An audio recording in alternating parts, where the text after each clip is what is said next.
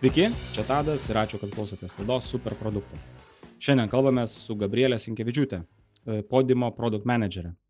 Kas yra Podimo, aišku, Gabrielė papasakos, e, tai trumpai supratot, kad tai yra e, laida apie podcastus, podcastas apie podcastus. Tai labas, Gabrielė. Smagu, kad prisijungiai.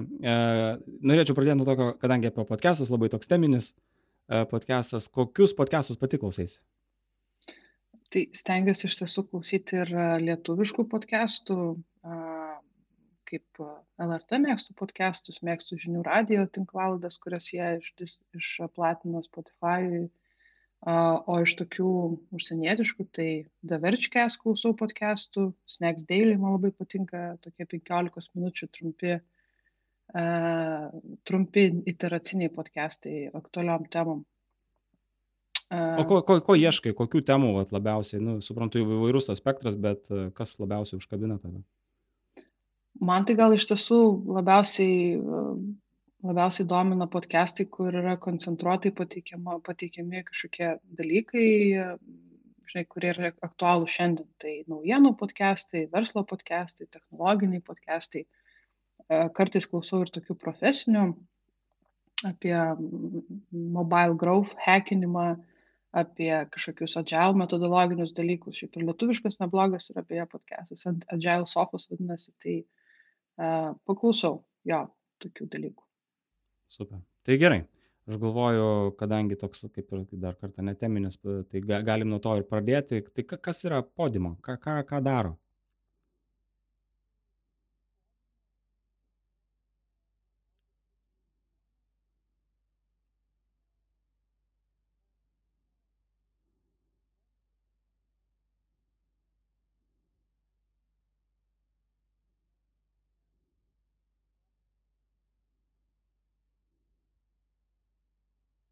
Vėliau pristatėme prieš metus jau laiko turbūt ir audiobukus.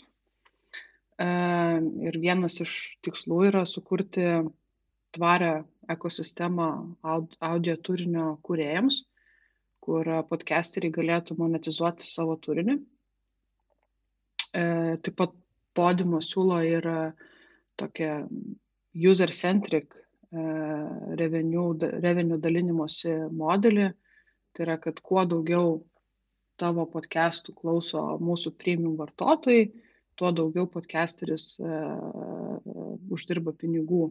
Uh, tai, tai, tai turbūt taip labai trumpai, o iš esmės uh, produktas atsirado turbūt iš tokio ma, poreikio matymo, kad, kad matome, kad yra klausytojų, kurie yra pas, pasiruošę mokėti už, už kokybiškus podcastus, o svarbiausia tai, kad podcastai yra mm, svarbus ir, ir, ir, ir, ir na, podcastai yra iš esmės verti to, kad už juos būtų mokama. Ir, ir tie, ta kuriejų e, bendruomenė yra, e, kažkaip reikia jai padėti tą turinį monetizuoti. Okay.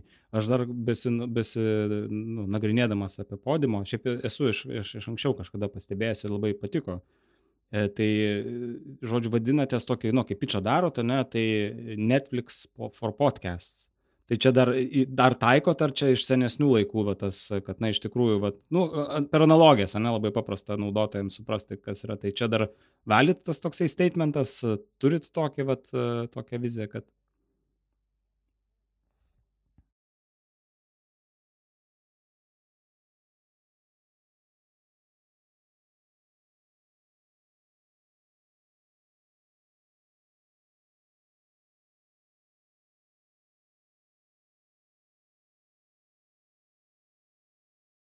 tai, ko tai rinkai reikia ir bandome patys arba kurti, arba licenzijuoti patraukliu, mums patrauklius kuriejus. Tai dar ir per tą pusę padedam podcasteriam monetizuoti savo turinį.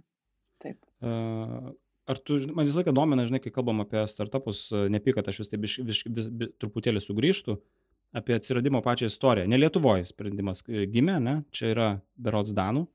Ar žinai kažkokią founderių istoriją, vis tiek du dalinatės tikriausiai, kaip kilo, ar patys buvo podcasteriai, ar tiesiog su audio reikalais turėjo, žodžiu, kaip, kaip gimė?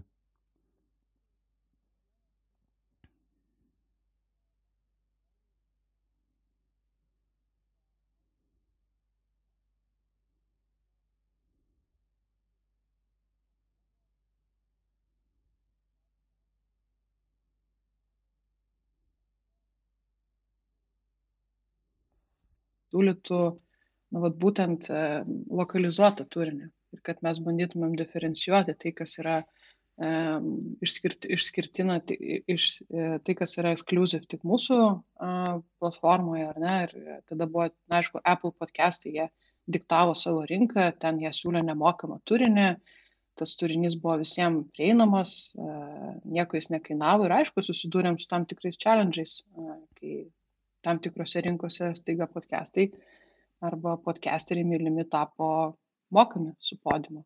Tai, e, bet sakau, tas tikėjimas ir mūsų vizija, kad na, vis dėlto podcastai verti yra to, kad jie būtų mokami, kad už juos vartotojas mokėtų ir uh, tokiu būdu norim padėti ir turinio kūrėjams nukurti tiesiog kokybiškesnį turinį.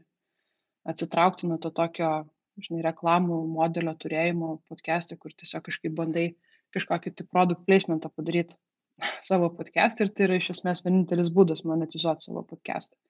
Sakom, juk yra ir daug kitų, o jeigu mes e, pabandytumėm tiesiog pasiūlyti subscription based modelį ir pasiekti premium contentą, lokalizuotą, sukiureitinta, tas, kuris yra aktualus uh, tai rinkai. Ok, bet aš vis tiek, o dabar tokį galvoju, dar noriu kampą problematikos paliesti. Minėjai jau porą kartų lokalizuotas turinys. Kodėl yra svarbus lokalizuotas turinys?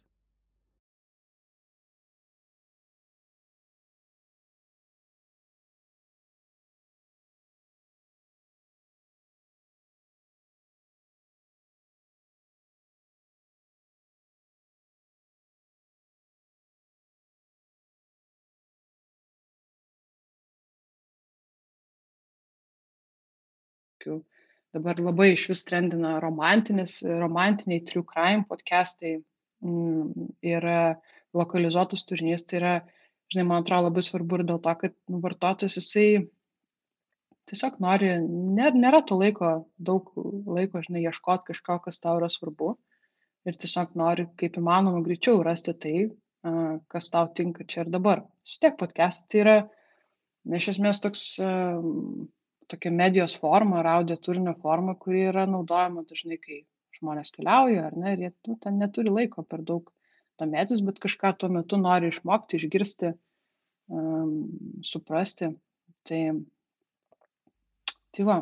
Bet labai turėtų būti sunku lokaliz... nu, skailinti lokalizuotus dalykus. Vat Netflix, aš suprantu, viskas anglų kalba, visas pasaulis žiūri, ten aišku, paverčia tas vietinės kalbas, bet uh, audio turinys, nes nu video tu iš tų subtitrus uždedi, o tas lokalizavimas, man atrodo, na, sudėtingiau skailinti, ar, ar, ar ne taip. Nes, nu, anglų kalba, va, tai čia irgi tada problema atsiranda Spotify, pavyzdžiui. Aš naudoju podcastams Spotify arba Google podcast programėlę. Mhm. Ten man patogu kartais neatrasti. Bet dar tada, va, tu sakai, tas lokalizavimas. Tai kaip yra su tuo, ar yra sudėtinga, ar, ar būtent, kad yra sudėtinga, tai yra gerai ir va, tai yra jūsų ta kryptis?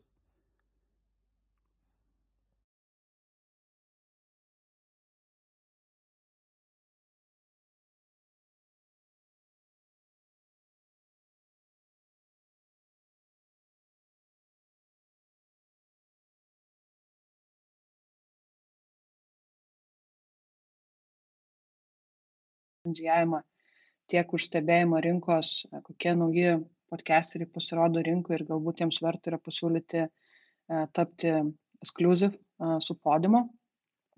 Tai taip, tai tas keilas jis yra tikrai kur kas lėtesnis.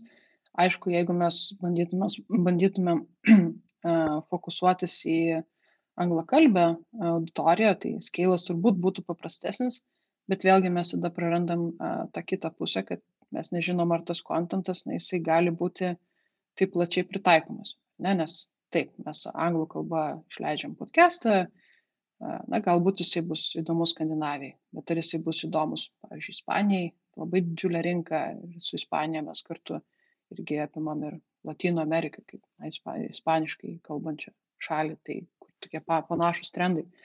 Tai taip sunku, tai yra iššūkis, tai yra vienas iš verslo iššūkių, ir tada market launchai jie tokie yra, na, tiesiog reikalauja gana didelių investicijų. Kodėl?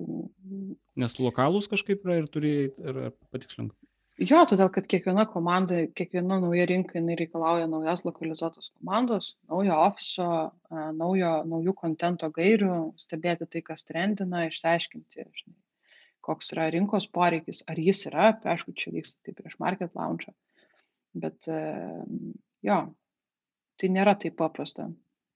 Dar apie rinkas, tada šitoks, va, irgi toks nuotėkis buvo, nežinau, man atrodo, susirašinėjom apie tai, e, kai išbandinėjau aplikaciją, man ispaniškai pradėjo rodyti e, notifikacijas ir galvojau, o, čia bugas kažkoks, tai čia tas toks tinka, it's not a bug, it's a feature.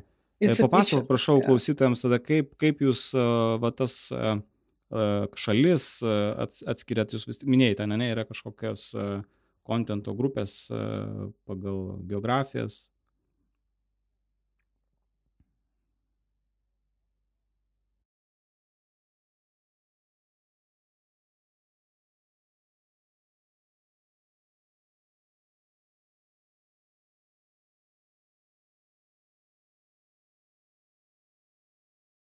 Danijoj turime danišką kontentą, Norvegijoj turime norvegišką turinį ir taip toliau. Na, tos šalis, kurio, kuriuose mes dar neturime savo lokalizuoto stipraus turinio, na, sakome, kad mes dar nenusileidom toj rinkai, tai e, ten tiesiog bandome, na, mepinti į kažkokią tai giminingą šalį. Tai, e, na jo, Lietuva e, atsirado Ispanijos su, su mepinime, kad tiesiog nenerodyti vartotojui tuščio tuščios aplikacijos, ar ne, na, rodome tokį, tai, ką turime. Tai jo. Ar teisingai suprantu, kad angliško turinio neturit, nes nu, iš Lietuvos perspektyvos rodo, nu, angliškai reikėtų liktais, ne, pateikti, ar, ar klystu?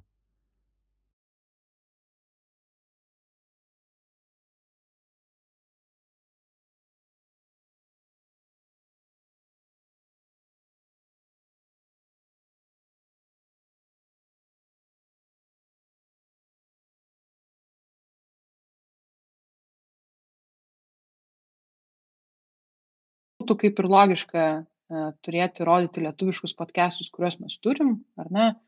Bet tada susidurėm su kita problema, kad arba jų tokiai rinkai kaip Lietuva yra labai mažai, e, nes tikrai jau nedaug yra e, distributinama į Apple podcast, nesaliginai.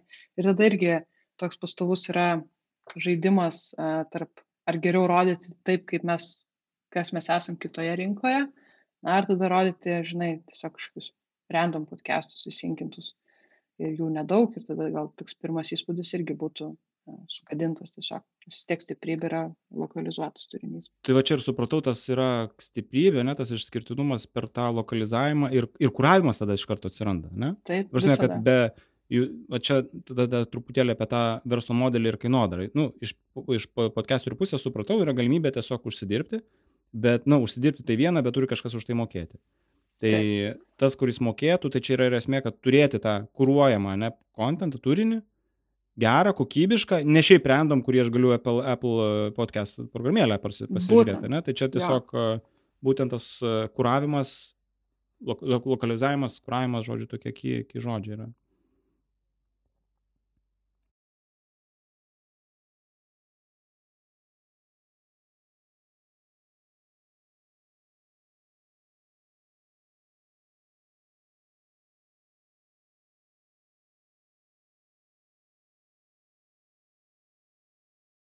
Išskirtinis e, turinys, na, vartotojai turi už tai susimokėti. Ir būtent vat, per tą premium turinio klausimą kreitoriai ir gali, gali uždirbti. Ja. Dar minėjai, kad ir production house'as esate, ne? Tai ar turit kažkokį įsivertinimą, kiek yra to jūsų sukurto turinio versus, na, jau podcastų ir kūrimo ir, ir kokia tada vizija yra? Kaip jūs matot ateity čia kaip kaip netfliksas gausis kažkaip ne ne nežinau kaip netfliksas beje atrodo šiaip įdomu ten pas juos daug dabar yra sukuriamų ane yra pa pačių pačio netflikso ir ten didina tas apsukas bet kaip yra pas jus? Kaip atrodo splitas ir ir ko kas yra kokia vizija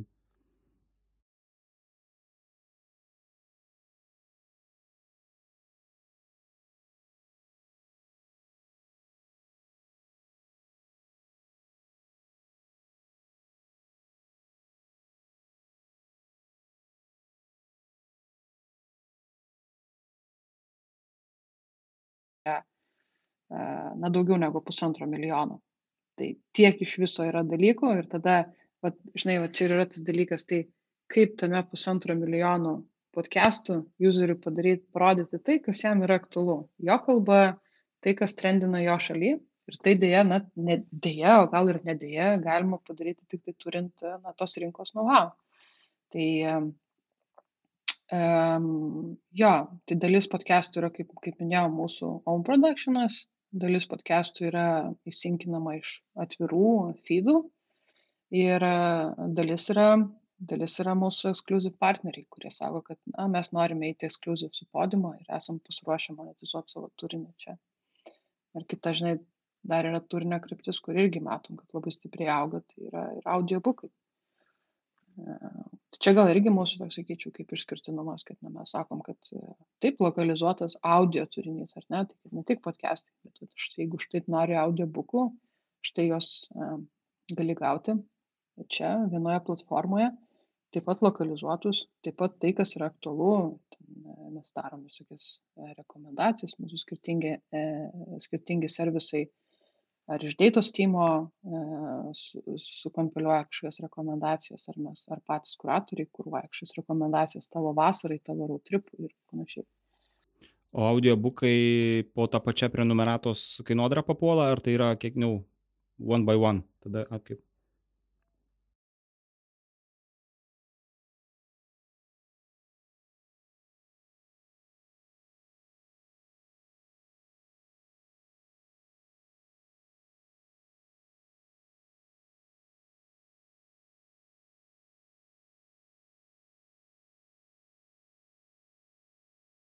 Su premium vartotoju, su premium planu tu tiesiog gauni 10 valandų free consumptioną, ant kurį gali išnaudoti audiobookam, kai tas timeris pasibaigia, tai tada mes tavęs prašom, na, jeigu tau tikrai patiko ir tu jauti vertę, tai va, upgrading į premium plus. Ok, tai du planai yra tokie, ne? Premium ir Premium Plus. Premium yra šiek tiek free. limituotas jo. ir free. Yra free, nes man liktais neleido tenai kažkaip aš. Yra free, uh, free useris, bet sakau, uh, tu tiesiog tu užsiregistruoji, tu būni kaip guest useris, tu, tu gali klausyti tai, kas yra uh, Apple podcastuose, pavyzdžiui, uh, bet jau to exclusive contento tai nepavyks pasiekti.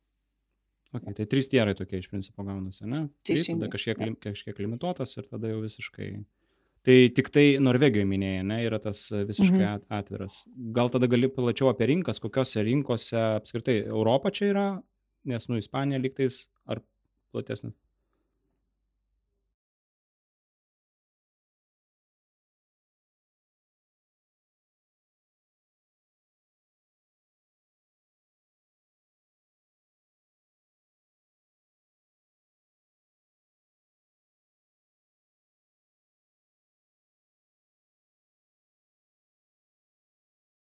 Kadangi Ispanija paleidus pamatėm tokią na, galimybę, kad užčiuopti ir kitą, netgi žemyną, pabandėm užčiuopti ber, berots 15 šalių iš, ar 17 iš Latino Amerikos e, ir pasiūlyti jiems iš esmės ispanišką turinį su šiek tiek tokiu, e, kaip mes sakom, meksik, meksikietiško prisilietimo. Tai tos kalbos yra giminingos, jos šiek tiek skiriasi, bet e, trendai, galim sakyti, yra na, panašus.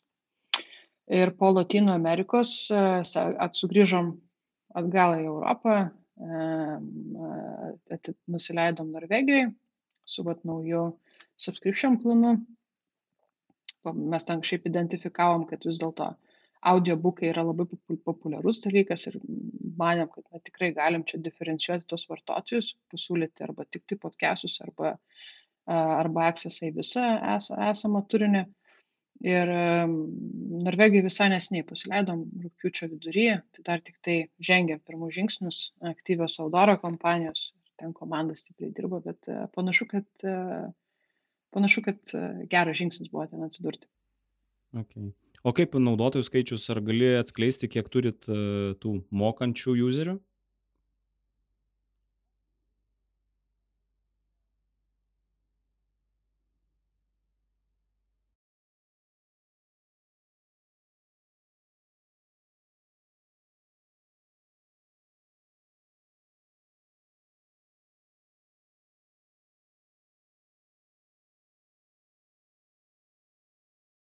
Palyginti su rinkomis, kuria, kuriomis esame.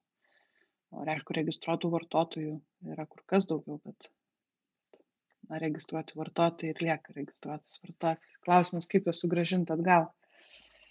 O didžiausia Norvegija tikriausiai rinka, aš taip supratau. Danija yra Danija didžiausia visgi, mūsų ne? rinka. Namų rinka. Jo, Danija namų rinka e, mūsų patikimiausia ir ten ir retentionas vartotojų geriausias ir, ir kakas mažiausias, na, žodžiu, visą produktisto svajonę.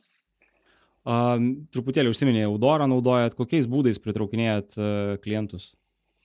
Tai kažkokio marketo e, launcho metu tai yra ir, ir Audorą naudojam, ir e, karts nuo karto ir Danijoje, ir Vokietijoje, ir leidžiam ir netgi TV reklamas, aktyviai, aišku, social media, visi kanalai.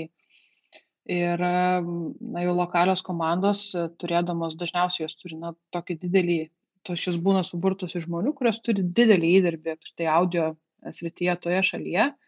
Tai tų partnerių ekskluziv būtent yra ieškoma per tiesiog žinojimą ir įsigilinimą tos rinkos, kas ten trendina. Tiesiog tiesiai yra approachinami kreitoriai ir bandoma jas prisivilioti į, į, į podumą.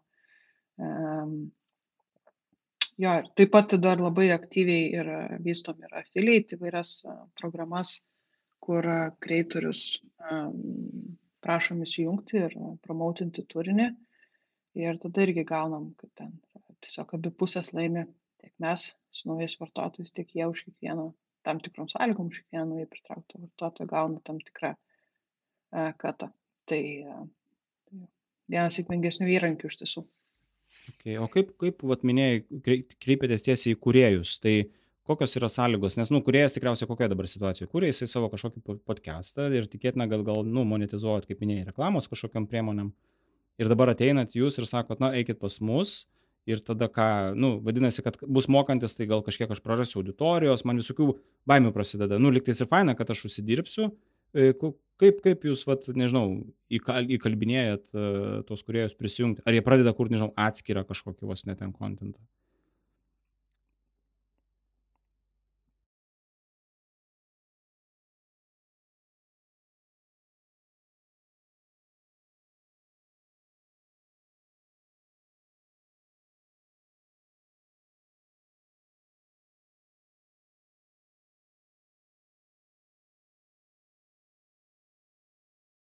Labiausiai mm, tokia didžiausia vertė yra, tai yra tas user-centric, tas revenue share model, kai, kaip kiek, e, kai, kai mes tiesiog atiduodam praktiškai viską kreitoriui, e, tai kas buvo sugeneruota iš premium listeną, nes mums yra, na, šitam verslo turbūt stadija yra kur kas svarbiau tie nauji vartotojai ir to podimo kaip na, brendo žinomumas, e, negu ten kažkaip labai stipriai pasipelnyti. Na ir mūsų vizija yra monetizavimas, o, ma, o, o padėti monetizuoti kuriems.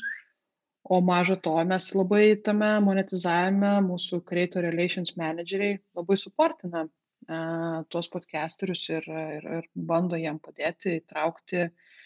Ir viskas yra apie tokį daugiau jau community, žinai.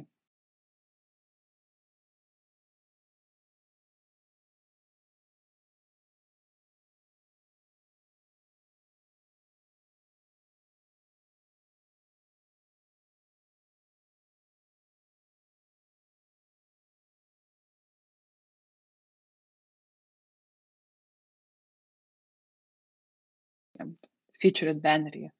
Podium yra lengviau e, tą padaryti.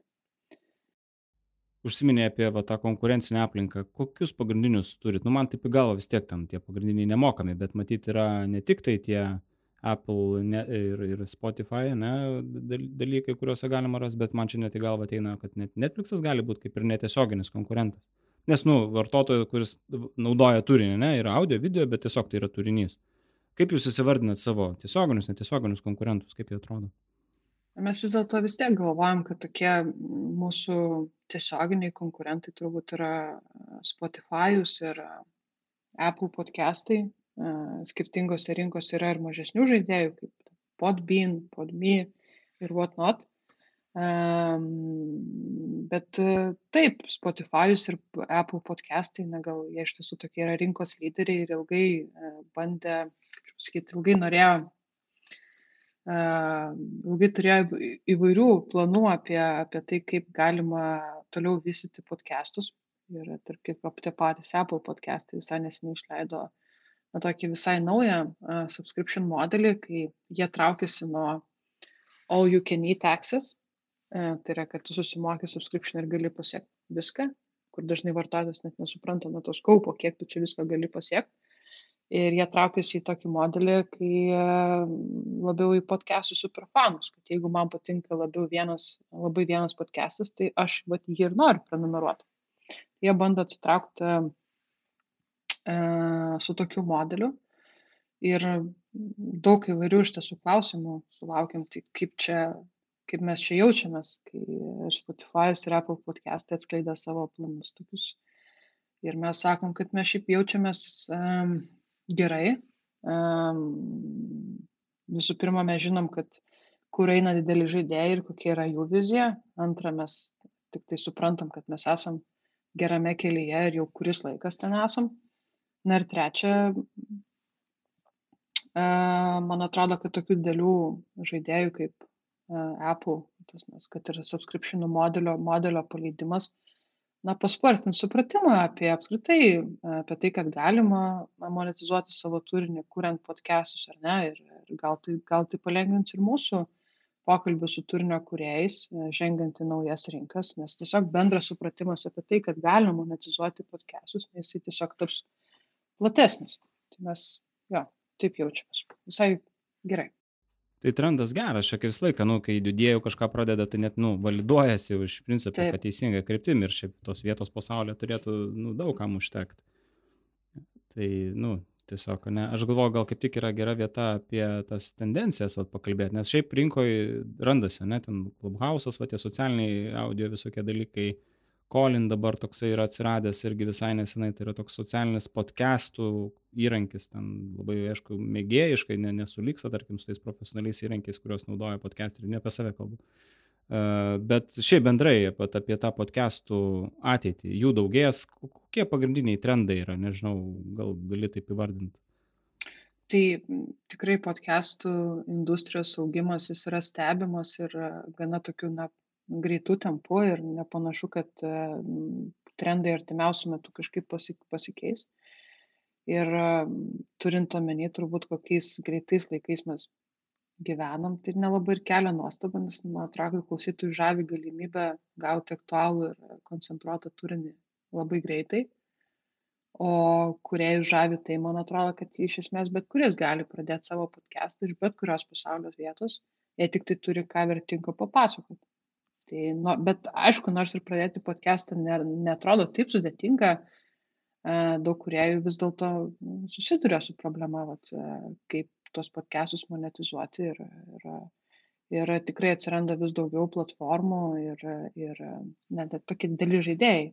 Kaip kalbėjom apple podcast ir spotify jie mato kad yra ta problema ir bando padėti tuos tą turinį monetizuot. Bet trendai jo trendai aš manau, kad e, kuo toliau, tuo labiau mes kalbėsim apie tai, na tai audio turinys pats iš savęs jis nėra toks, na, nekuria tokio ryšio tarpusavio tarp kurie ir klausytojo, bet man atrodo, kad tikrai žengs į tokį labiau uh, social, galbūt tokią platformą, kur, žinai, kur galėsim sujungti klausytoją su, su kurieju, nes tokiu atveju ir kuriejas gautų feedbacką žymiai greičiau apie vystomą turinį ir galbūt net tai galėtų pakreipti, na, žinai, jo turinio kūrimą, žinai. Tai va tas Clubhouse'as tavo buvo geras pavyzdys.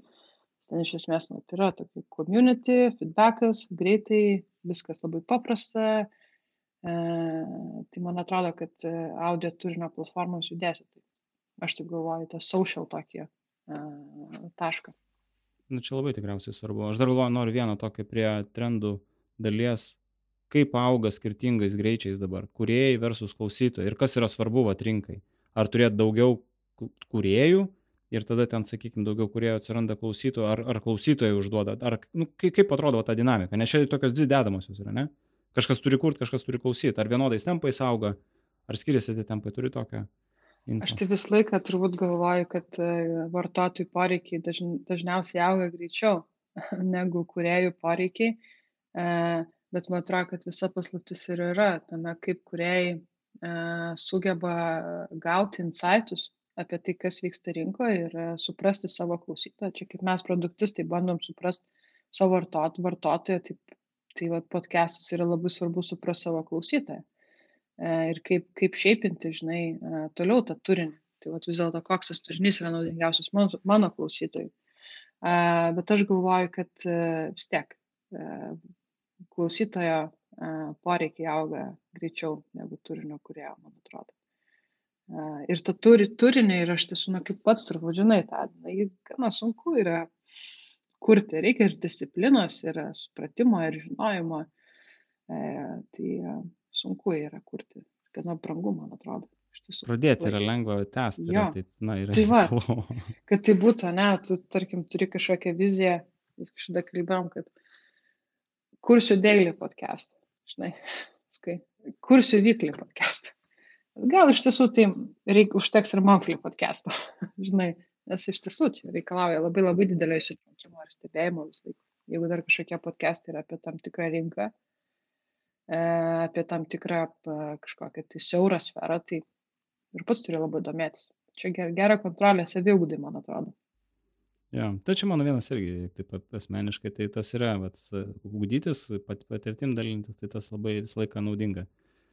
A, pakalbėkim dar tada truputėlį apie verslo iššūkius, a, kažkokią apibendrintą formą. Visą laiką aš tikiu, kad yra tam, tikros, tam tikri dalykai, kurie nesimato paviršių, bet gal gali pasidalinti kažkiek, tai kas labiausiai jums kelia dabar, sakykime, iš verslo pusės, ne? A, Na tai e, turbūt a, mes norime a, ir bandome ieškoti būdų, kaip, a, kaip dar padidinti tą a, podcastų monetizaciją kuriejams ir galbūt pristatyti kažkokių e, kitų būdų, kaip jie galėtų monetizuoti savo turinį. Na, kažkokios advertising programos, ar ne, kad tai, ne, kad tai ne, nebūtų tik tai tiesiogiai priklausoma nuo to, kiek tavo turinio yra suvartojama. Tai čia yra turbūt toksai iš kuriejų pusių iššūkis, o iš klausytojų, na, tai taip, tai yra turbūt pastovus produktisto iššūkis ir verslo kartu, kad na, kaip geriau pažinti tą savo vartotoją ir kaip jam pradė, padėti rasti kitą įdomų audio, audio kažkokį tai a, gabalėlį podimo appsą. Tai dėl to ir daug a, funkcionalumų, kuriuos mes vystom aplink, tai yra rekomendacijos, kaip mes tas rekomendacijas galim kuo labiau personalizuoti, kuo labiau automatizuoti a, ir kad visą laiką klientas na, būtų tiesiog on top turėtų ką klausyti. Visada, kad, kad tas increasinti, e, didinti tą konversiją į antrą klausimą. Tai a, gana yra sunku, nes ir turinys greitai keičiasi, ir vartotojo e, įpročiai vartojimo labai greit keičiasi. Tai, kas buvo aktualu šiandien, nelabai aktualu e, jau rytoj gali būti. Gut, tai pakalbėkim tada apie tą vat, amato pusę, tada taip organiškai minėjai apie tos naudotojus, ne kaip tos poreikius. A, papasakok dar, ką veikia Lietuvos ofisas, kokios dydžio yra ir kokios pagrindinės Lietuvos ofiso atsakomybės. Tai Liet, Lietuvos ofisas jau yra mm, perkopęs, man atrodo, 20 žmonių ribą. E, galbūt atrodo, skamba net taip ir daug, bet mums tai atrodo didelis pasiekimas. E, tai pagrindė čia yra techninė komanda, tai yra inžinierių komanda ir yra, mes esam e, keli produkt, produkto vadovai, e, kurie taip organiškai turbūt perėjo nuo labiau nuo produkto ownerių ir didelio ar, arba artimo darbo su developmento komanda į product manager pozicijos kartu, kai įmonė tiesiog auga.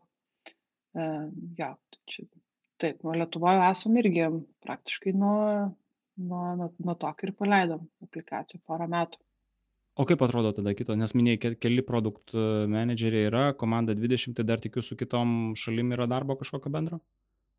Jo tai kita kita dalis produkto komandos yra kopenhagai čia dar Lietuvoje turim produkto dizainerį, mes e, esam dviese produkt menedžeriai, o, o, o Danijoje yra VP of product ir, ir, ir head of product, e, kurie na, dirba jau ten e, iš, ir ten bando valdyti lūkesčius, mes esam čia arčiau developmento komandos. Bet čia taip, sakyčiau, jeigu manęs paklaustų, ar čia yra gerai, tai nežinau, bet, ir, bet turbūt taip istoriškai susiklostė, kad, kad esam skirtingose ofisuose. Bet iš tiesų produkt manageriam dabar matom jausti pulsą ant tos developmento komandos irgi yra šiaip pranašumas. Tu gali būti labai Vieta, arti. būtų, ne? Jo, jo. Taip, jo. taip, taip, čia tikrai taip. Tai taip. Ar gali dar tiesiog padetalizuoti, už, kok, už kokią produkto dalį, nes tikiu, kad vis tiek yra tas pagrindinis user-facing appsas, ne, tikriausiai yra kuriejų kažkoks tai produktas, ne, kur, kur ateina kuriejas, kažkaip susikelia. Jo. Ar tai yra tas pats, žodžiu, padetalizuok tokios, va, žinai, sluoksniais, vis tiek backendinis, šitas admin panelė tikriausiai kažkokia yra. Jo, kažką daro. tai mes, Kaip, e, kokios atsakomybės. Jo, mes iš esmės turim tokius gal kaip tris pagrindinius produktus, e, gal keturis net galim sakyti. Tai e, vienas produktas yra mobilios aplikacijos, ant jos ir Android platformų. Mm, Tada turime vidinį įrankį, turinio valdymo sistemą, per kurį administruojam. Taip kaip mūsų appsas atrodo, kur, kur visas lokalios komandos ir administruoja e, aplikaciją, kur sukrenta visas turinys iš visų skirtingų vietų ir integracijų. Ir turime trečią produktą, tai yra podcaster studio, kuris, kur mūsų turinio kuriejas gali prisijungti, matyti, valdyti savo turinį, kurti naują, redaguoti esamą, matyti, kaip tam turiniui sekasi aplikacijoje. Čia webinis jau, ne? Jo, čia yra webinis sprendimas. Um, Dėtų šiek tiek e, ten irgi mato, kad tiesiog būtų suprasti lengviau. E, Ir taip pat ten ir gali ir kešautinti savo pinigus, e, kai jau prikaupia pinigų ir jau tas ateina svarbiausia dalis, jau išsi- išsigryninti uždarbį, tai irgi viskas vyksta per studijų platformą. Sukslai skaičiuojam balansą, balansą mato ir ateina laikas, kai jie atitikdami tam tikras sąlygas gali išsigryninti tos pinigus. Čia sakoma, kiekviena, kiekvienas produktas yra finansinis, tai va čia va irgi matau, kad ten ir, ir ta finansinė dalis, ne, kad išsimokėti, tai ten irgi tikiu yra lokaliai, pagal kiekvienam, kad į lokalų banką kažkokį tikriausiai. Na, pas mus iš tiesų e, tie payoutų raundais mes tai vadinam, tai yra vyksta kas ketvirtį, e, kai mes sukaupiam, skelbiam e, dvi savaitės kiekvieną ketvirtį, kai kreitoriai gali ateiti ir kleiminti savo pinigus. Tai tai yra dėl įvairių priežasčių, tai, bet viena iš pagrindinių yra tai, kad na, turėti tą tokį kešauto galimybę bet kuriuo metu ir nuo bet kurios sumos tai yra tiesiog na, ir, ir biznio keiso nebuvimas, nes tiesiog kartais yra per brangu įvykdyti operaciją, negu naudos yra žinai suteikiama. Tai e, tos sąlygos a, kol kas yra a, tokios, bet aš manau, kad jos ateityje keisis, kai galbūt mes suspartinsim monetizaciją ir pamatysim, kad jau kiekis yra toks, kad na, jisai neturi atitikti kažkokių sąlygų, taip ir taip. A, jo. Ir dar yra ketvirtas produktas, tai yra podimo e, webas, kur e, mes rūpinamės čia Vilniui backendų. Visa logika backendinė yra čia pas mus, ten yra didelis e, paymentų mechanizmas, nes subscriptions galima pirkti ir, ir per webą, taip pat ir appsuose, bet e, aišku, webą mes skatinam pirkti labiau, e, nes ten tiesiog mažesnis katas yra atiduodamas e, Apple'ui, Android'ui. E, Kas šiaip yra įdomu, nes, pavyzdžiui, kai pasižiūri tokias aplikacijas kaip Netflix ar Spotify, ar ne, tai visas rautas subscriptionų yra, tiesiog tu negali subscription supirkti appsą. Yra tiesiog, jeigu tu paspaudi buy subscription, tu iškart esi nulinkinamas į webą ir jokių čia katų nei Apple, nei Androidai. Tai bet, na, mes savo tokie kaip maži žaidėjai prabangos negalim sauliaisti, kiekvienas svarbus yra subscriptionas ir kaip tik tai useriui patogiau. A, O pats podimo webo e, frontendas yra developinamas ir administruojamas am, Kopenhagai. Jis Ten yra toks jau daugiau, na, mes tai ir įvardinę esam, kad jisai turi gyventi arčiau marketinginio, mar- marketingo komandos. Jis e, veikia labai dažnai kaip landing page, ten kūrė, kūrė, kūrė, kūrė. Tiesiog O patys appsai mobilo Lietuvoje patikslink, praklausiau, Taip. ar Mhm. Lietuvoje, ne? Tai yra Viskas yra Lietuvoje, jo, žodžiu, be backendo karalystė ir e, klientai abu. E, Dabar, kai taip retrospektyviai pasižiūri, tai tokiam žmonių skaičiui yra pakankamai, pakankamai nemažai infrastruktūros. Tų rankų, man turbūt, kolegos pritars, e, kad e, na, trūksta visą laiką, bet kur jų netrūksta. amžinai, žinai, ta kova tarp arba tas kompromiso ieškojimas tarp e, naujų biznio poreikių ir apie tai, kad na, gal jau kažkaip techninę skolą reikėtų peržiūrėti. Yeah. Ja. Suprantama. Produktisto gyvenimą. Pagil, pagilinom tą tada, vat, ir kaip prioritetus dėliojatės, aš galvoju, vis tiek prioritetai nuo tikslų. Kaip atrodo, vat, be, be kiek produktinių komandų, sorry, dar kad įsivaizduot pas jūs Vilnius skaitosi, po, porą čia kokia gausis? Kol kas viena produktinė viena komanda, skaitosi. jo, kuri rūpinasi, aišku, appsų dabar dėmesys yra skiriamas daugia, daugiausiai, adminas tai yra tokiam, na, maintaininimo maudai, iš tiesų dabar kažkokių ten naujų feature on top nėra daroma. Tai jo, kol kas yra viena bendra komanda su viena bendru roadmapu, bet aišku, ateityje, skailinant netolimoje ateityje, tai reikės ir apie tai galvoti turbūt. Kaip keliat, kokius tikslus, gal be metrikų, žinai, bet vat ketvirčio, pusmečio, kaip atrodo pagrindiniai produktinės komandos tikslai? Tai mes visą laiką stengiamės išlaikyti fokusą ties userių vartotojų bazės auginimu.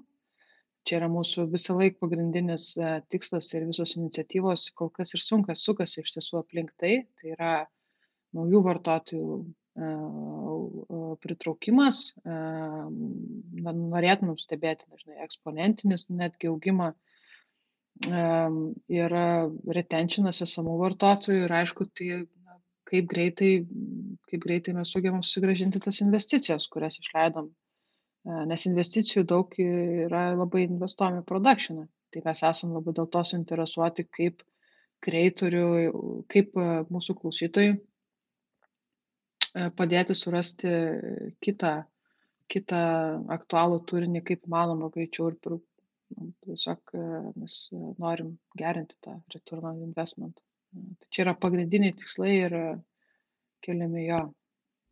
O iš techninės pusės, nesakėt, backendo, tai ir teisingai suprantu, kad e, vis tiek nemažą dalį produkto tokios sėkmės, kaip sakykime, iš vartotojo, naudotojo perspektyvos sudaro tam tikri algoritmai. Tai yra kaip man tą turinį atrasti.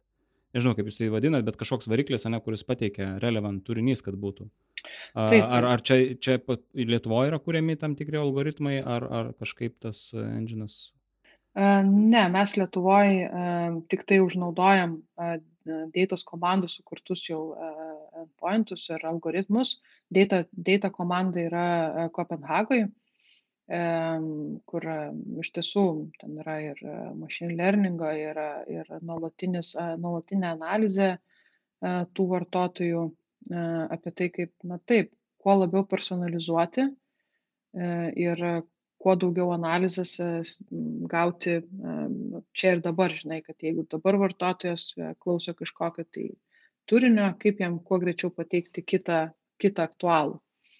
Tai jo, bet mūsų backendas to nedaro, bet mes tik tai rūpinamės. Supratau. Tai čia, žodžiu, tas data dalis yra Kopenhago, čia tiesiog yra perpanaudojama.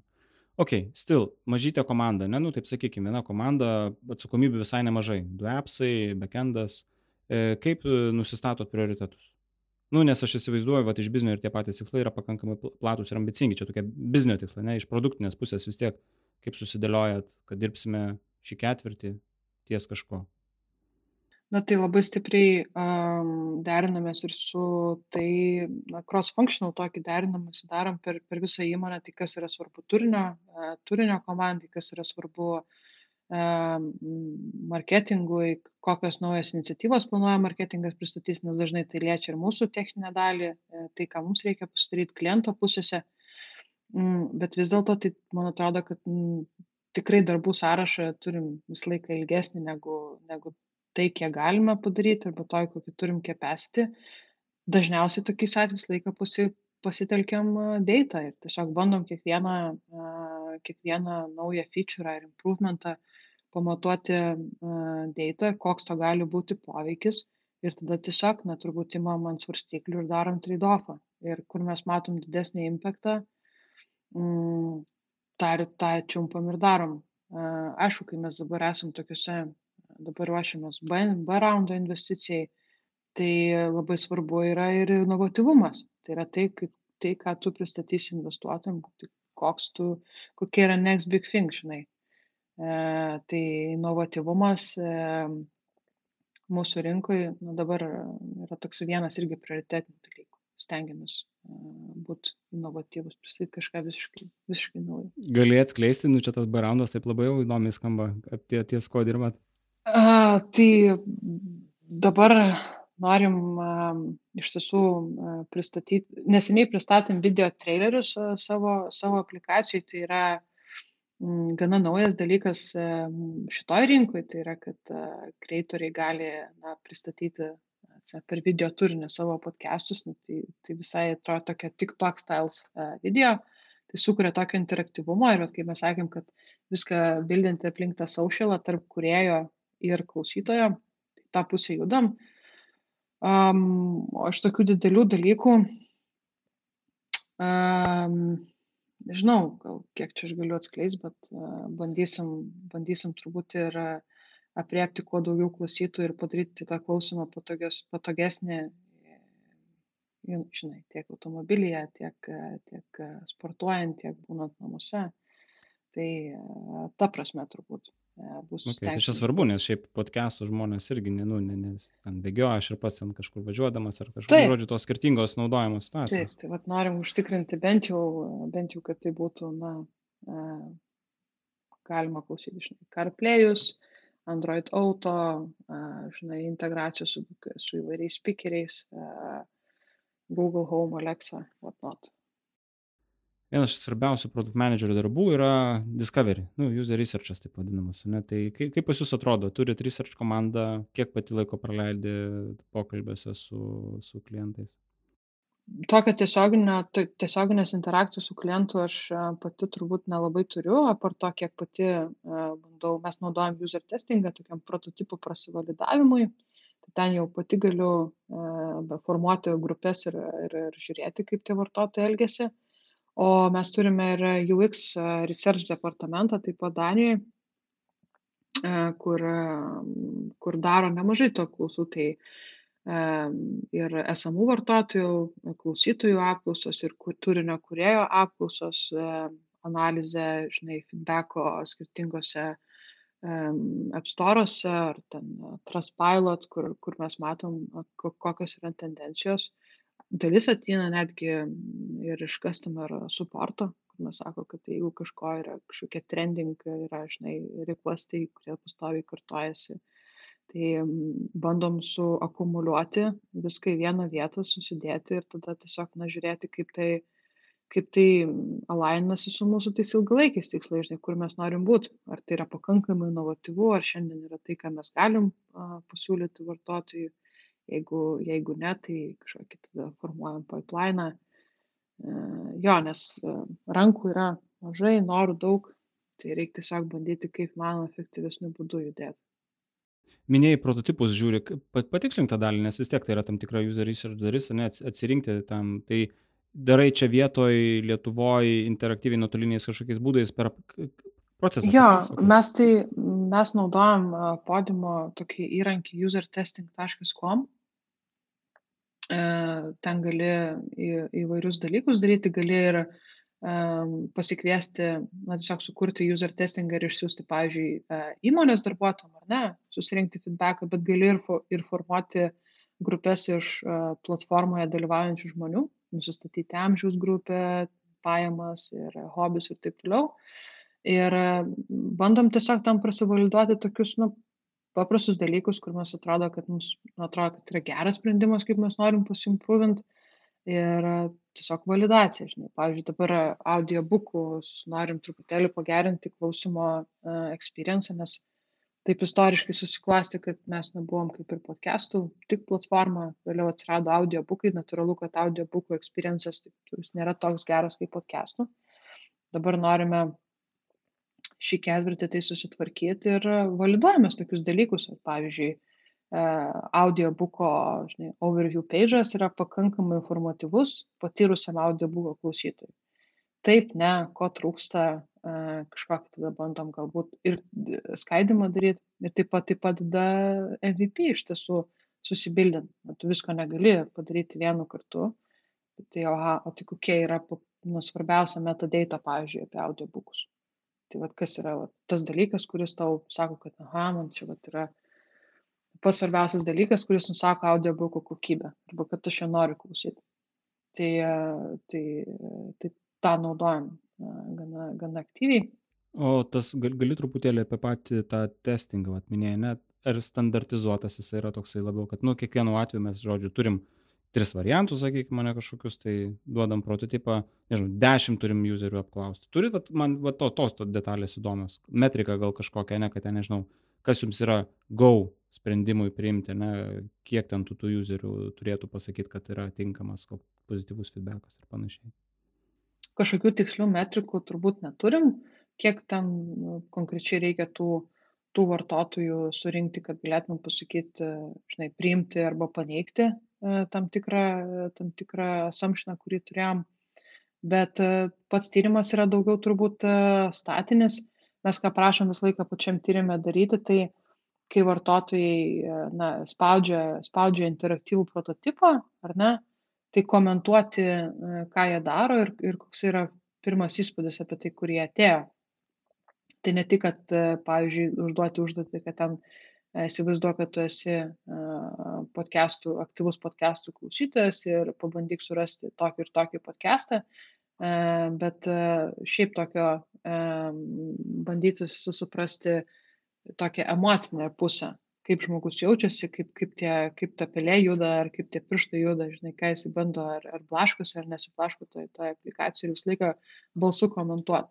Ir iš tiesų, ką mes matom, kad tas balsų komentavimas, jisai dažnai ir būna kur kas e, labiau e, toks mums reikalingas negu tai kažkokie ten, kaip greitai surado kažką, net kaip greitai paklikino arba ko, kaip greitai call to action rado. Čia tos emocijos, aha, aš nežinau, kur man čia, aha, rasti, žinai, tai labai daug, jeigu jau yra 5 iš 10 confusas, tai reiškia, kad tikrai tas confusas yra. Uh, tai vat. Tai va tą ir norėjau paklausti, ta prasme, vis tiek stebite, ne, jums, ta prasme, va yra, okay, ten 10 žmonių, padarė 10 sesijų, vadinasi, ten 5 buvo, 5 buvo confusas, 5 ne, nu, tai sprendimą sunku priimti kažkaip, ne, nu, gal irgi per didelis reikia kažką e, tobulinti, tai vis tiek, vis tiek atsižvelgia į tam tikrus, tai kaip lengva buvo naudotojui kažką surasti, ne, kad ta patirtis tokia, e, tai vis tiek kažkokiu būdu apibendrinate, ne, tai vat, man įdomu, vat, ko, ko ieškote, ne, tai čia vat, supratau tą tokį žiūrit į kiek yra lengva? Jo, dažniausiai sakau, mes tokiam validavimui vis dėlto tai naudojam, tokiam confirm arba debunk, žinai. E, tai pavyzdžiui, jeigu mes, sakau, galvojam, kad, na, mes tiek dabar galime greičiausiai, pavyzdžiui, pasiūlyti vartotojui, ar ne, mes dabar turime visą šitą data, mums tiesiog reikia updatinti UI ir mes tai galėsim a, duoti vartotojui. Mums atrodo, kad gal mes tos dėtos visai nemažai turime apie audiobooką sukaupę, ne, metadėtos. Bet ar tai, yra, ar tai yra aktualu vartotojui? Na ir aišku, dar kita dalis tai yra ir, žinai, ir konkurentų analizė. Tai ypatingai audiobookų pasaulyje, tai tikrai tų žaidėjų yra daug. Žiūrime, kaip jie pateikia turinį, kai kurios dalykus, kur mums atrodo, kad e, dažnai girdime iš vartotojų, kad, reikia ir to, galbūt būtų gerai turėti ten galimybę, galimybę peršokti, pavyzdžiui, audiobookai iš chapterio vieną į chapterį kitą ir analizuojam, žinai, šitos konkurentus ir bandom suprasti, aha, tai kodėl vieni turi, o kiti neturi. Čia yra kažkokia tiesiog industrinė problema, ar čia yra kažkas dalykas, kurį reikia bildinti in-house ir tiesiog mes to negalim savo dabar leisti. Žinai, pastovus trade-offs. Ne. E, šalia tų, tų visokių tyrimų, kur tiesiai su naudotojais kalbatės, ne, vis tiek yra analitikos dalis. Įdomu, gali pasidalinti, e, kokius rodiklius stebėt iš, pavyzdžiui, mobiliosios aplikacijos, ne, kas, kas jums yra svarbu, vat, kas tau kaip produkt manageriai a, ir čia tuo pačiu kitiem galbūt tai nebus, kad aš turiu produktų, mobilią aplikaciją, kas man yra svarbu, kas tau yra svarbu šiuo, šiuo atveju, kokias metrikas stebėt. Nu, tai mes e, stebim konversijas mūsų šitam produkte, būtent kalbant, tai e, stebim konversijas į pirmą, pirmą play iš skirtingų, e, iš skirtingų pusla, appso tabų. Tai kaip iš kur pir, klausimai daugiausia ateina, ar jie ateina iš paieškos, kai useris kažką pats aktyviai ieško, ar jis ateina iš mūsų home tabo, kur mes kažkaip vaizduojam sukuraitintą turinį, čia yra labai svarbu, tai yra kaip greitai pavyksta, pavyksta rasti turinį vartotojui. Ne? Kokius dar galvoju, dar pagrindinius na jo aš galvoju kad kon konversija į kitą klausymą turbūt yra tokia mūsų aktualiausia arba konversija į mokantį vartotoją nes jeigu mes stebim kad kuo juzeris greičiau suranda jam tinkamą turinį tuo jisai greičiau tampa premium vartotoju tuo retention reitas tiesiog yra geresnis e, tai vat mūsų yra iš esmės pagrindinis tikslas didinti konversiją iš, e, iš tam tikrų appso vietų į pirmą klausimą, tada iš pirmo klausimo į antrą klausimą. Na ir tada mes stebim jau, kad koreliacija tarp, tarp to, kaip greitai pavyko rasti turinį ir e, konversija iš free userio į premium yra labai labai stipriai priklausoma. Tai e, to tie pagrindiniai rodikliai. Kokiais būdais didinat e, konversiją? Eksperimentus darot kažkokius? Nu, nes vis tiek turit metriką kažkokią baseline'as, ne, ten jis kinta kažkiek nuo visokių veiksmų, bet jūs irgi kaip produktinė komanda tikriausiai esat nu, suinteresuoti kažkokius proaktyvius veiksmus. Eksperimentuojat? Eksperimentuojam. AB testavimas yra vienas iš tų būdų, kaip pasitikrinti, na, kuris, tik, tik kuris vis dėlto ten CTA yra aiškesnis vartotojui bandom ir kai, kai kurios funkcionalumus turim, pavyzdžiui, tik per regioną, ne, tai stebim, kaip tam tikras dalykas veikia vienam regione, pavyzdžiui, premium plus plano paleidimas Norvegijai. Tai irgi yra iš esmės testavimas, tai kaip tenais pasileis ir kaip tada keičiasi vartotojo įpročiai ir mes galime ir esam pasiruošę pristatyti kitose rinkose, ar rinka yra pasiruošus Mm, taip pat buvo ir su mūsų kits turinio pristatymu, kurį mes pristatėm prieš kokius pusę metų. Tai irgi pasileidom tik Danijai, kad suprastume tą pirminį behaviorą, kaip useriai, ar iš vis useriams to reikia.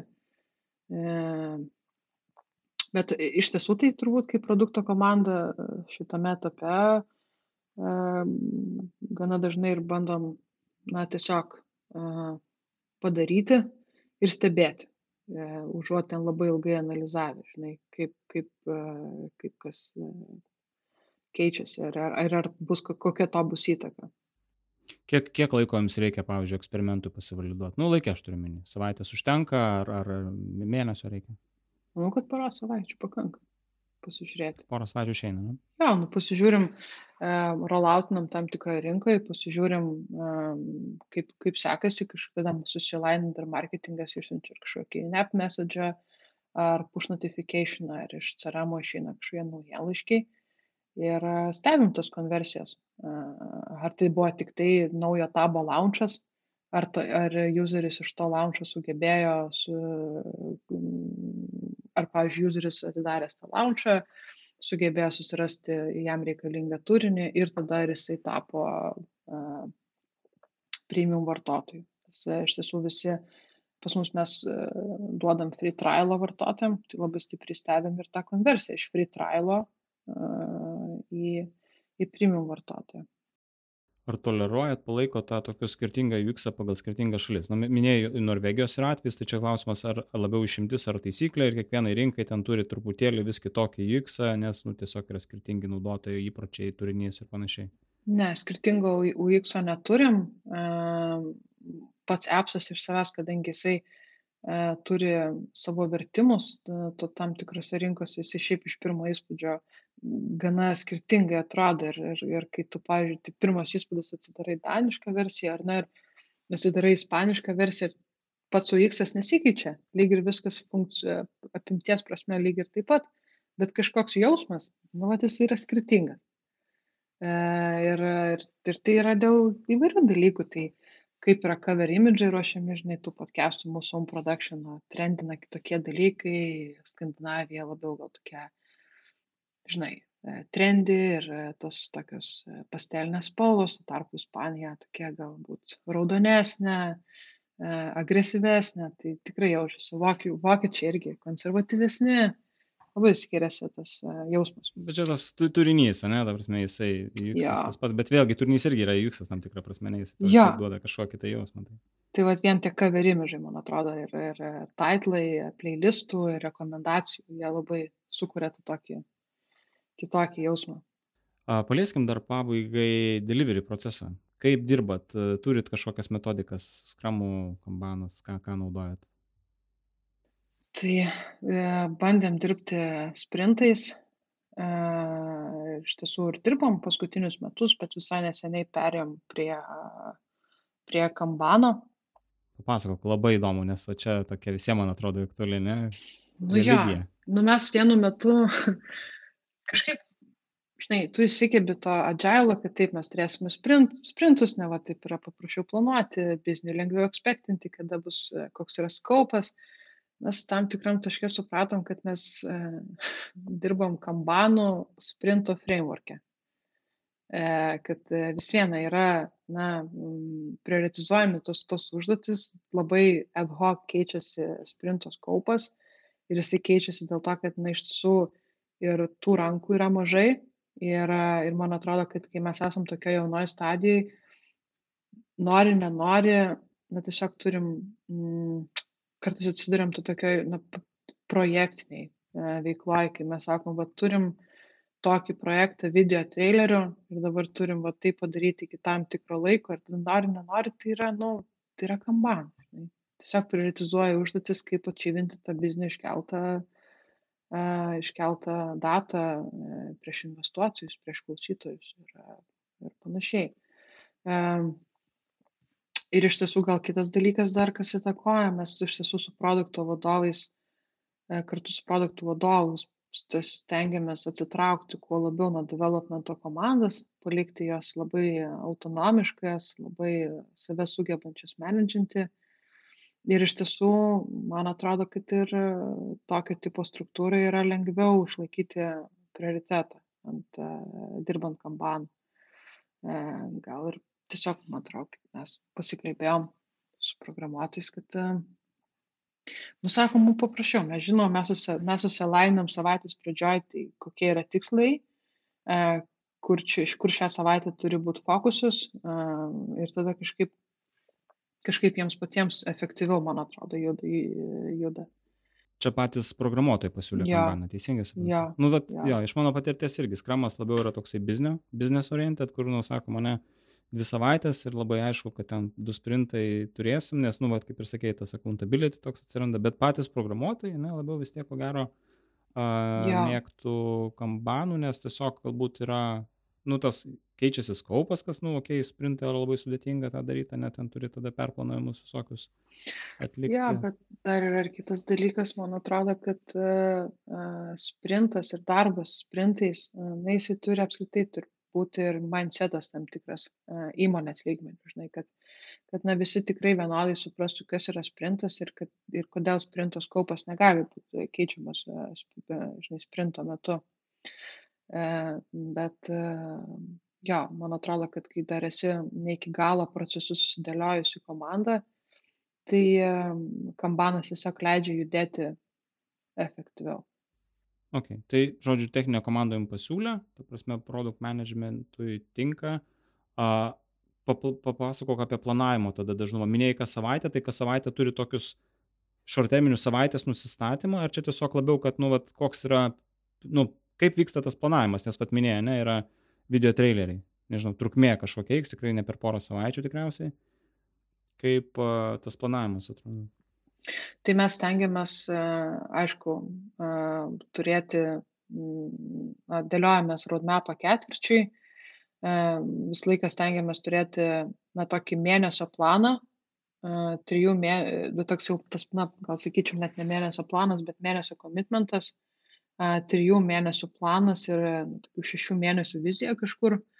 Ir tiek planas, tiek vizija trijų, šešių mėnesių jie gali būti nekeičiami, prioritizuojami skirtingai, bet jeigu jau turim mėnesio komitmentą, tai jis ir yra komitmentas mūsų. Ir turim tokius pirmadieninius susėdimus su programuotojų team lydais, kur tiesiog susisinkinam ir pasižiūrim, žinai, ar niekas nieko neblokuoja, kaip čia efektyviau galbūt resursus reiktų perskirstyti, ar backendas nestipriai suveržęs yra už mobile į priekį ir atvirkščiai, ir kaip juos sulaininti, pasiplanuojam releasus. O produkto pusėje, jo, produkto pusėje planuojamės, e, bandom kas ketvirtį jo planuotis ir mėnesio turėti tokį jau komitmentą. Tai komitmentą jau iš deliverio komandos, ta prasme, Jo, kad e, jie pasako, kad mes maždaug, e, tai čia toks gaunasi sprinto trukmė savotiška, ne, mėnesio. iš esmės taip, iš esmės taip. Jo.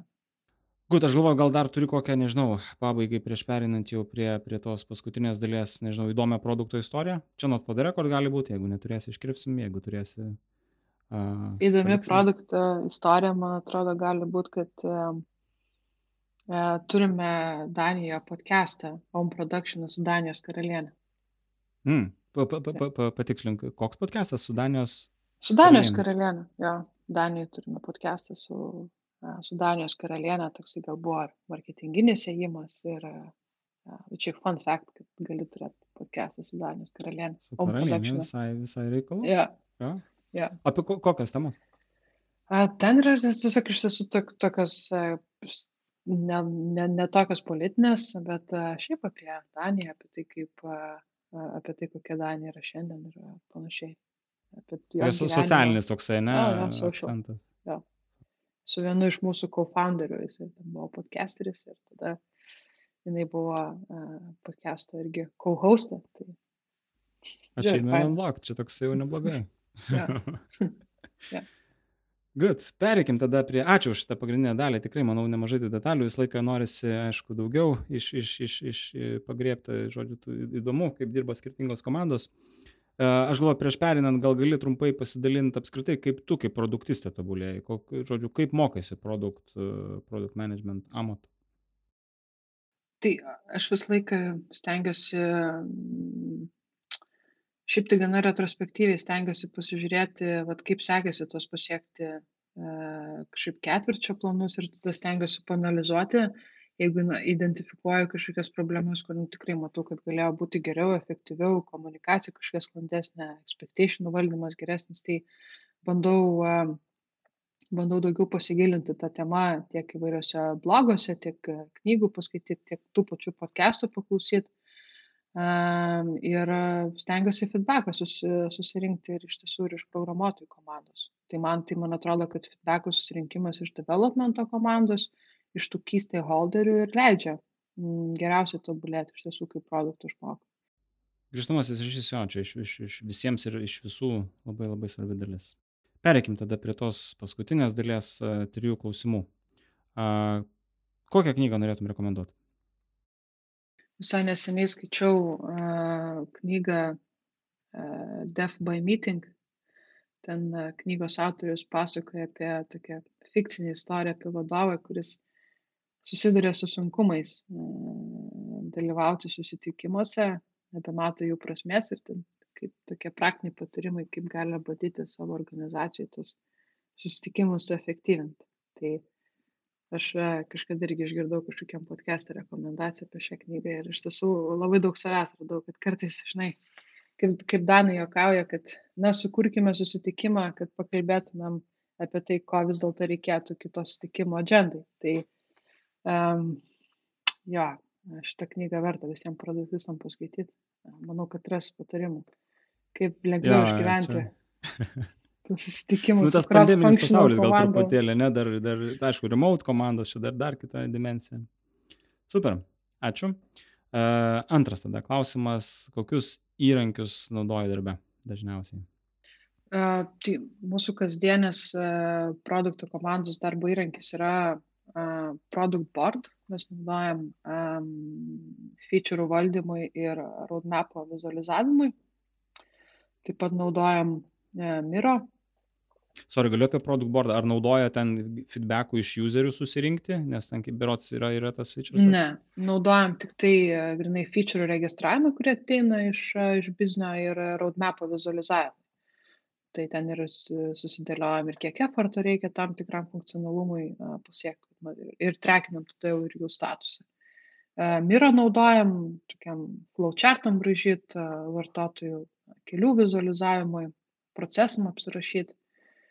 Uh, Trello naudoja asmeninių užduočių valdymui, Jira ir Confluence'as tai turbūt tokiam jau glaudesniam darbui su developmento komanda. Naudojam Kibana datos analizai, Google Data Studio, dashboardam pasibildinti ir slekas kasdienį komunikaciją. Mailą naudojat vidiniai komunikacijai? Šiaip iš tiesų, nu, labai jau ekstra poreikia. Šiaip visą laiką slekas, na gal tokia oficialiai komunikacijai, kur, kur kažkokia ar third party reikia įtraukti į, į, į komunikaciją, ar, bet šiaip viskas, visas gyvenimas yra slekia. Kažkada bandžiau trekinti savo, kad kurtus 8 valandas per dieną, tai supratau, kad reikia kažkokį įsivesti nežinau, ritmą, kaip tu dirbi ir kada tas leka į Nu, modą laiką, iš tai, tai jo. kosmosas kažkoks, nežinau. Tai jo, tai šiaip ir susiradau tokį būdą, kad stengiuosi, stengiuosi ryte sus, persižiūrėti dar kartą slego, kas, kas iš po vakar liko nesužiūrėta. Ir iš tiesų po to, kai išeinu jau į susitikimus, tai Dunodis tarp maudą lieka, nebent jau ten kažkokie yra ypatingi čaneliai, kur jau turi, žinai, greit reaguoti. Bet šiaip, jo, ir, ir padeda, ir, ir sunkina tuo pačiu metu tą. E, Ja, matyt, reikia laiką kažkokį nusistatyti, ne, Ja, kuriuo esi available, kad komanda žinotų. Good. Na ir paskutinis klausimas, tavo patarimas produktistui. mm, manau, kad e, niekada nesustot pažinti savo kliento e, ir savo vartotojo. Tai yra nuolatinis pažinimas ir nuolatinis pasitikrinimas, e, ar vat, tai, ką planavai e, pasiekti po trijų mėnesių įgyvendinti, ar ne, ir deliverinti pusės metų, ar dar yra problema, nes nu, gyvenam žiauriai greitai besikeičiančiam pasaulyje ir kartais tai, kas buvo problema vakar, šiaip kol tu ten susistimeitinsi ir sutrade-offinsi, gali jau nebūti nebeaktualu. Tai tavo nuolatinė pažintis ir, ir man atrodo, kad ir klausti klausimų reikia labai daug ir, ir, ir tiek pačiam savęs, bet ir pastovaus sinko su cross-functional komandom. Tai, tai komunikacijos gerinimas. Geriau du kartus iškomunikuoti, man atrodo, tą patį, negu iš vis neiškomunikuoti. Ačiū, Gabrielė, už tavo, už tavo laiką, už tavo išvalgas. Buvo labai įdomu. Sėkmės. Iki. Ačiū tau.